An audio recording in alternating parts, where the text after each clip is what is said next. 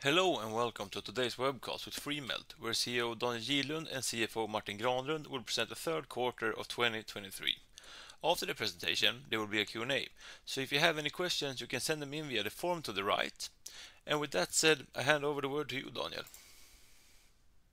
Thank you, Ludwig. So hi, and welcome to our first uh, live Freemelt webcast. So I'm Daniel Gidlund, I'm the CEO of Freemelt, and uh, with me today uh, I have Martin Granlund, our CFO. Uh, we will share the highlights and also the key points from Q3, and as Ludwig said, in the end of the session, there will be a possibility to ask question as well. So um, this is the first webcast. I just want to give you a brief introduction to Freemelt as well. So Freemelt uh, was founded in 2017 uh, by former Arcam employees. Uh, we are today roughly 40 employees spread on a few sites. So in Sweden, we are present in in the U.S. as well. Um, what we do is that we develop and we sell 3D printers, especially for industrial applications and for research applications.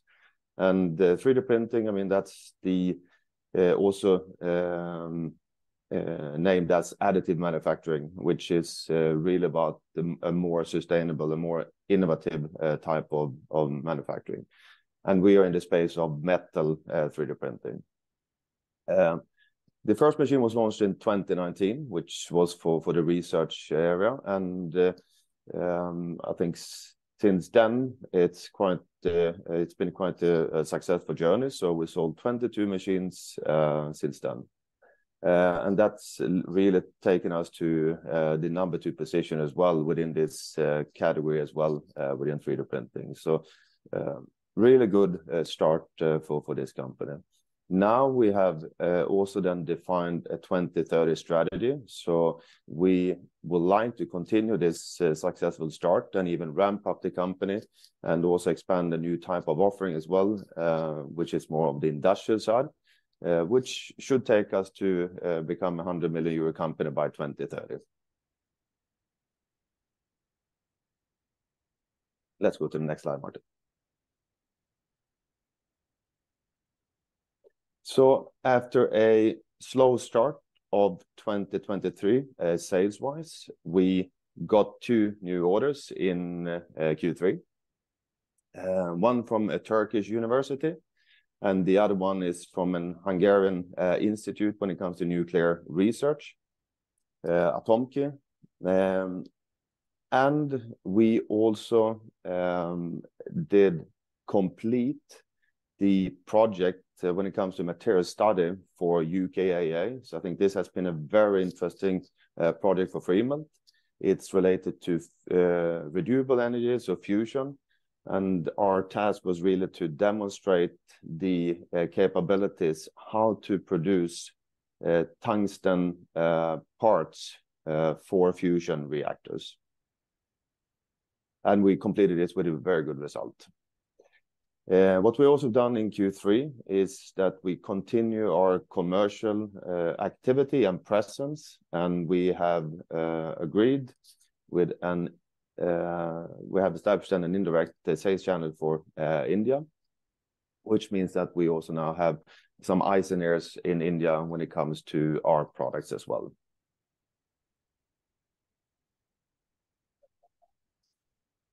Uh, activity-wise, I think it's very uh, we have a high um, commercial activity at the moment.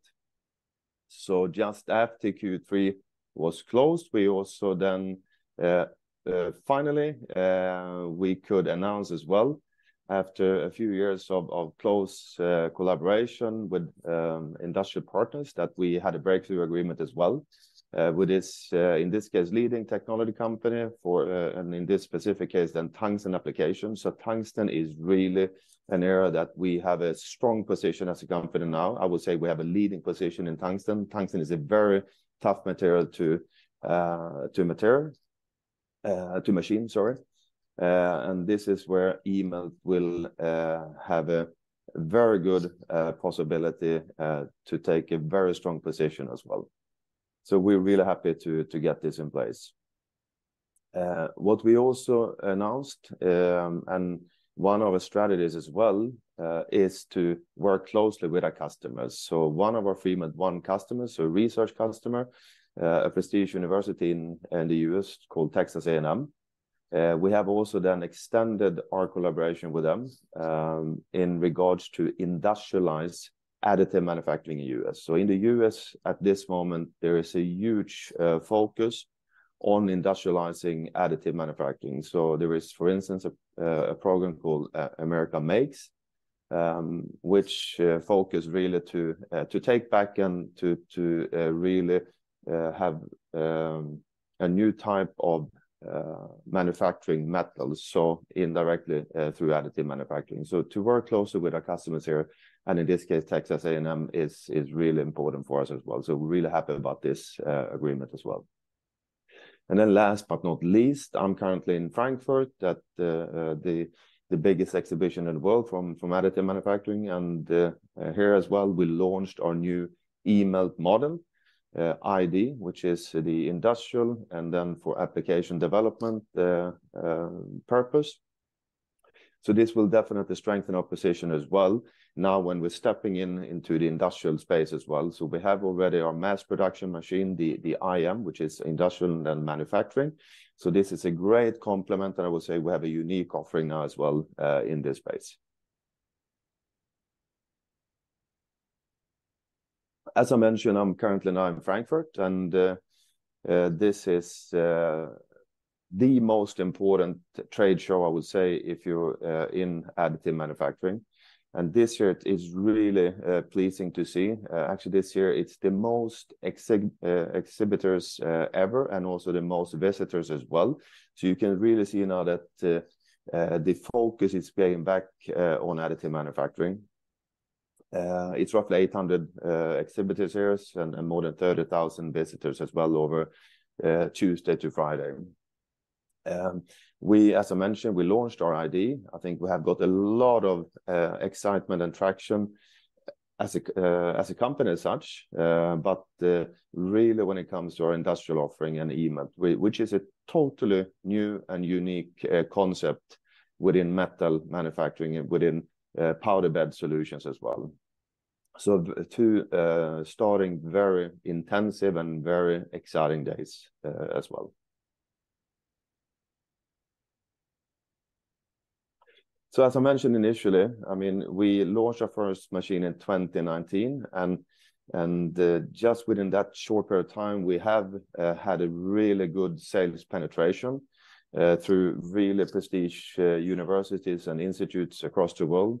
You can see on the map as well, it's it's a fairly equal spread between Europe and U.S. I mean, U.S., we we are ramping up quickly. As I said before, there is a huge focus on both research, but also from an industrialization in the U.S., so they're catching up uh, quickly. So all in all, we have 22 machines uh, uh, operating at customers as we speak. Over to you, Martin. Thanks, Daniel. So let's have a look at uh, some of the figures from uh, from Q3, some of the highlights.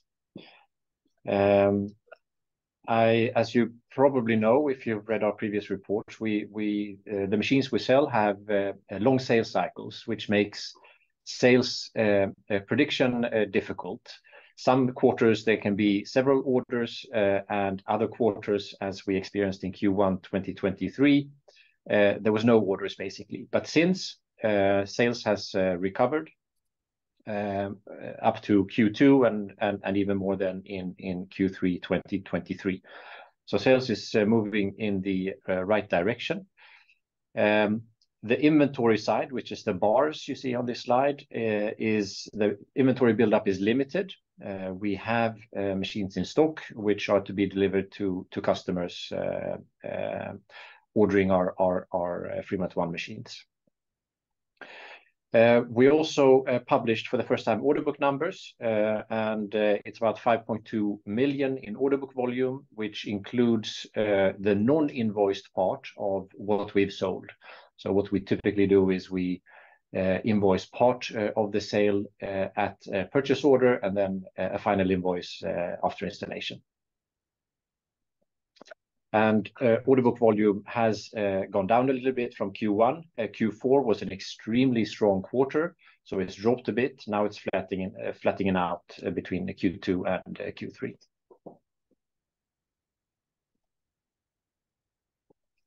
Then on the cash flow side and operating result. So, operating result follows sales trend-wise. We had a poor Q1 after a very good Q4, uh, and we are uh, recovering from that as sales grows. Um, uh, we posted positive operating cash flow in two out of the four last quarters. So this is the black line you see. Um, and also, as you may know, we have a intensive investment period, which is which we are in the middle of. So, uh, on the investment side, we are uh, uh, burning a bit of cash to further develop the industrial machines and the one that Daniel just spoke about.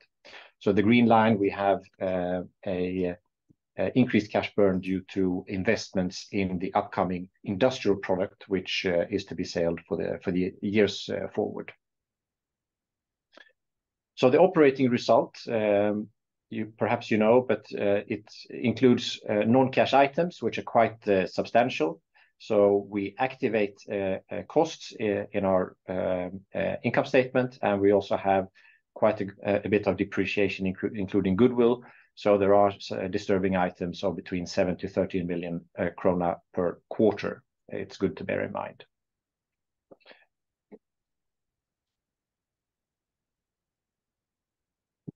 Then on the balance sheet side, um, Freemelt does not have any uh, external debt financing, uh, so there's a 95% solidity.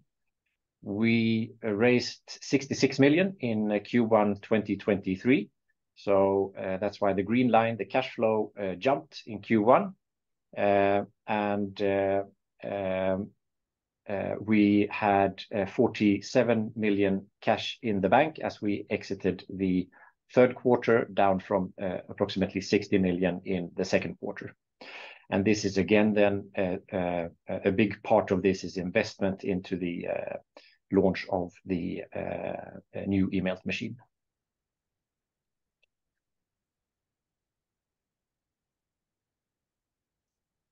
I'll hand it over to you again, Daniel. Okay. We realize we are very efficient as well, in this.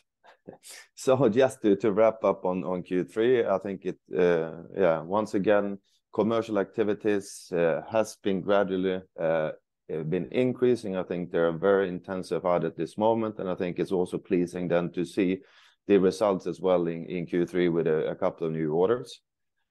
Um, If we just look from a quarter to quarter, so on year-on-year basis, uh, it increased by 2% uh, uh, this year versus last year. But as Martin said as well, I mean, it's quite difficult to forecast because it's really long cycles, and most of the times it's also public organizations, universities that we work with, which is also difficult to predict exactly when purchase orders will come as well. What's also, I think, very, uh, you know, pleasing, and we're really happy about this, that we also have defined and also launched um, a 2030 strategy. So we have a bit of a more clear view what we would like to accomplish and who we would like to be by 2030, and of course, how to to get there as well. Um, we had the first breakthrough agreement for also important industrial offering, eMELT, when it comes to the mass production machine, uh, which we now, uh, of course, I mean, continue to really work uh, really strongly on and focus on to, of course, also get in further of these type of contracts moving forward. Both for the development machine that we just launched, which is a key enabler, I would say, as well, for the mass production machine.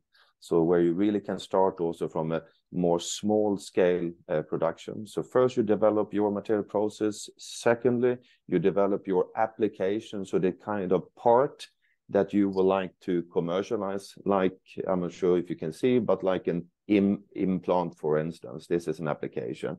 And when that application is developed, and you can see it's uh, uh, really get the traction in the market. Then you ramp up to your mass production machine and really get down your total cost of ownership and then to maximize your productivity.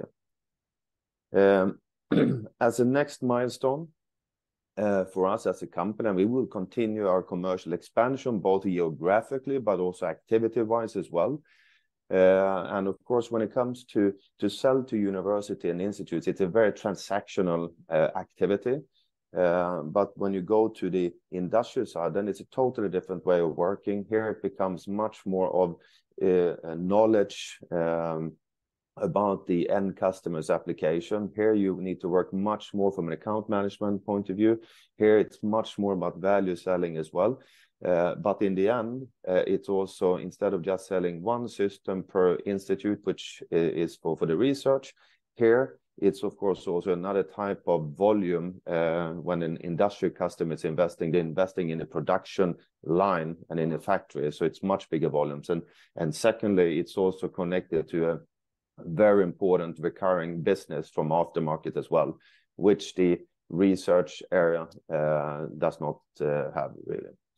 And then last but not least, I think, as I said, we continue our commercial activities, and uh, I'm very happy, uh, as you might have seen this morning as well, that we also got a new agreement uh, with a very large industrial company called IHI and the European branch.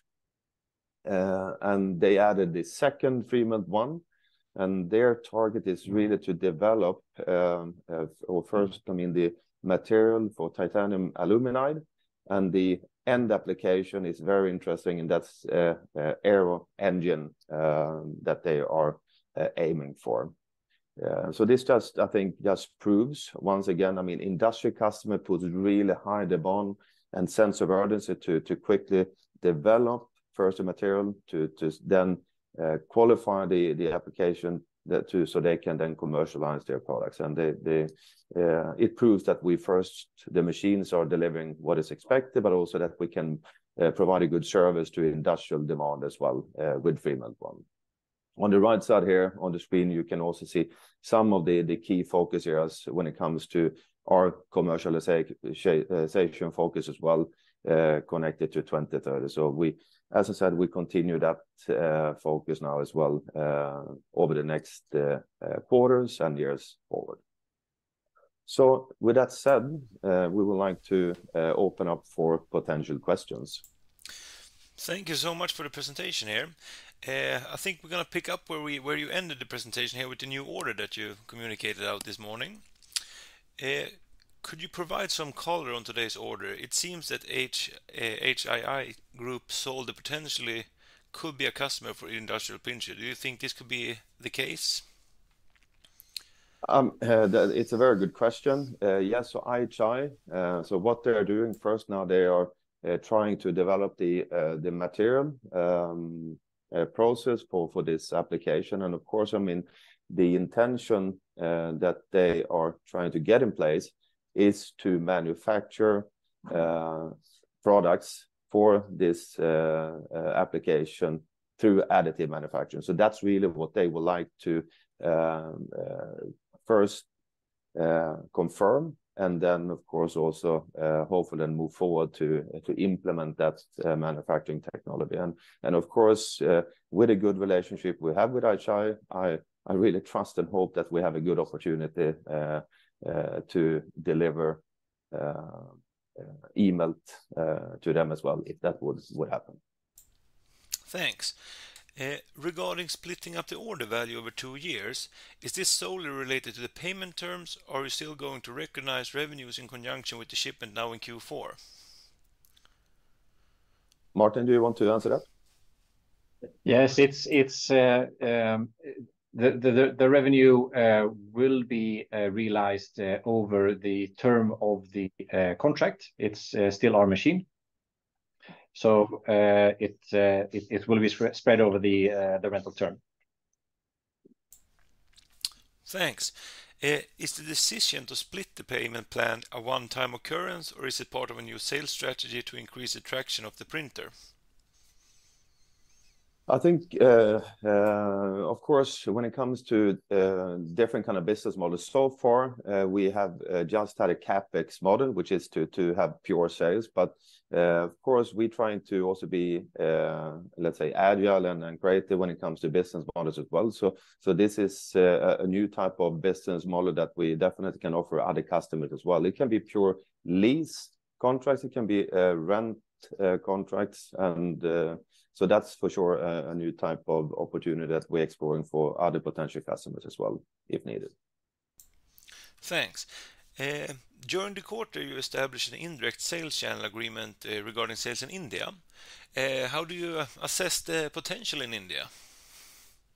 Uh, I will be very transparent. I mean, India is uh, not really an area that we have explored in detail, so I think this is also the reason why uh, we now have activated an indirect channel there to really explore the potential opportunities. And this is also why we do it through a partner as well, and not invest in our own resource. So, at this moment, I can't really answer that question clearly, but we can come back on that one, of course. Yes. Eh, you have eh, a wide range of interests in all in different sectors. Are all sectors equally hot, or do you prioritize any particular sector, so to speak? Yeah. As I mentioned before, I mean, um, uh, we've continued to focus. We have defined three different kind of materials that can be applied for different kind of applications. And Um, what we have really intensified our focus in, which I think is it's so great now to be here in Frankfurt and to really get the confirmation. We focus on tungsten, and tungsten is, uh, again, it's a very tough material that has not really been uh, used so much in the past because it's so tough to machine as well. So we really try to um, yeah increase our focus and strengthen our position uh, in that space. So, uh, when it comes to tungsten, for instance, it can be used uh, in medtech applications, for instance, when it comes to X-ray equipment, because it's good then from um, a radiation perspective. You have in um, semiconductor, you have in defense, you have Um, what uh, other kind of applications? Uh, yeah, I think those are energy. Sorry. I mean, I think the one of the key um, focus areas at this moment that we sense here at uh, Formnext as well is energy. And when I talk about energy for tungsten, it's mainly for fusion reactors. So, once again, the product we did for UKAEA, I think it's a good representative. But, um, so tungsten for sure, and then titanium is the other area that we also Uh, have really achieved a lot of uh, good results, and that's also why we continue to really focus. And that's mainly in uh, the medical sector, orthopedic implants, but also as you could see as well for IHI, which is more of a superalloy from from titanium aluminide. Um, but that's of course also something where our technology is highly beneficial and which of course we continue to focus on as well. Thanks. Eh, a question regarding you now at the fair in Frankfurt. Eh, if I'm correct, you earlier you were in the Formnext fair in Austin, Texas. Eh, we received a lot of interest. How long is your sales cycles regarding? Because you are at that fair, you see a lot of interest. How long are the sales cycles from, example, a good interest at a fair to materialize this in business? It's um, it's really depending on the type of customer, I would say. If you go to research, as Martin mentioned before, it's it's fairly long sales cycles. Um, So typically, a university or an institute, they need to first apply for a project and then apply to a product then relevant for for this technology that we work with, so electron powder bed fusion, for instance. Then they need to apply for a budget. So that can take from, I would say, anything from six months up to maybe a year. Um, but in some cases, of course, I mean, uh, and and what we can see here as well, uh, um, universities, uh, they do have a budget in place. There's they haven't really decided yet on the technology. So then, of course, I mean, the the sales cycle is shorter. So I understand where the question is coming from, and of course, I mean, we're really trying as well to capitalize on being present here as well, and hopefully get some sort of, Uh, let's say, uh, unexpected sales during the year. But uh, if you go to the industry and the industrial side, then of course, it's a bit different. Um, so with that said, if I then move into eMELT, for instance, which might be a slightly then bigger investment, here, I will say that, depending if the customer is a already existing additive manufacturing user of this specific technology, um, then I think the sales cycle is fairly short, and the decision is fairly short. But of course, if you are gonna step into additive manufacturing, then I would say as well, it's quite a lengthy process, uh, then as well. Then you need to set up your factory based on this new way of manufacturing. So yeah, it's really depending on, uh, I would say then. Thanks. Have you noticed a weaker economy in the world? Has the willingness to invest in your product decreased or? Uh, I think we are fortunate in that way, uh, as we are a lot in... I mean, currently, we we just have the Freemelt ONE machine available, uh, and that we have been selling. And um, U.S., if I take U.S., for instance, I mean, there is a huge focus currently uh, in research, and especially uh, those areas that we have also then decided to focus on. So if I go back again, I mean, there is a huge focus now on being less dependent on energy, uh, or being more self-sufficient from an energy perspective, I would say. So energy is extremely hot at the moment, and it's a lot of investments Uh, being done privately, but also through uh, the different governments as well. So that's really beneficial for us. So there we don't see any kind of uh, slowdown. I would say also, if you go to semiconductor, that can also be one of the applications suitable for our machines and also for tungsten. Again, it's a huge focus on, especially, in the U.S., but I would say in the Western world as such as well. Um, And then we have copper, which is also uh, something uh, connected to electromobility, which we also did the the uh, transition, the electrifications for it. It's also still a lot of focus. So, with that said, we haven't seen anything um, at this point that is um, slowing down the potential at this moment. Then this the decisions, as I said before, I mean, the the the challenges when it comes to working with public organizations is that sometimes a sense of urgency to to really place the the order. Um, I think that's the biggest challenge for us uh, so far. Thanks. Moving on to the last question here. Uh, what milestones should investors keep an eye on in the coming quarters? Also a very good question. I think, of course, I mean, um, now exposing the uh, uh, order backlog as well. Uh, I think it's really our commercial activity, and we continue to build our pipeline and continue, of course, I mean, to um, make Freemelt as a more known brand. Um, so it's definitely, I would say, um, our commercial activity in the market that is the key focus here to keep track on. Thanks so much for the presentation today and answering our questions, and good luck going forward, and thank all the viewers for tuning in. Thank you. You all.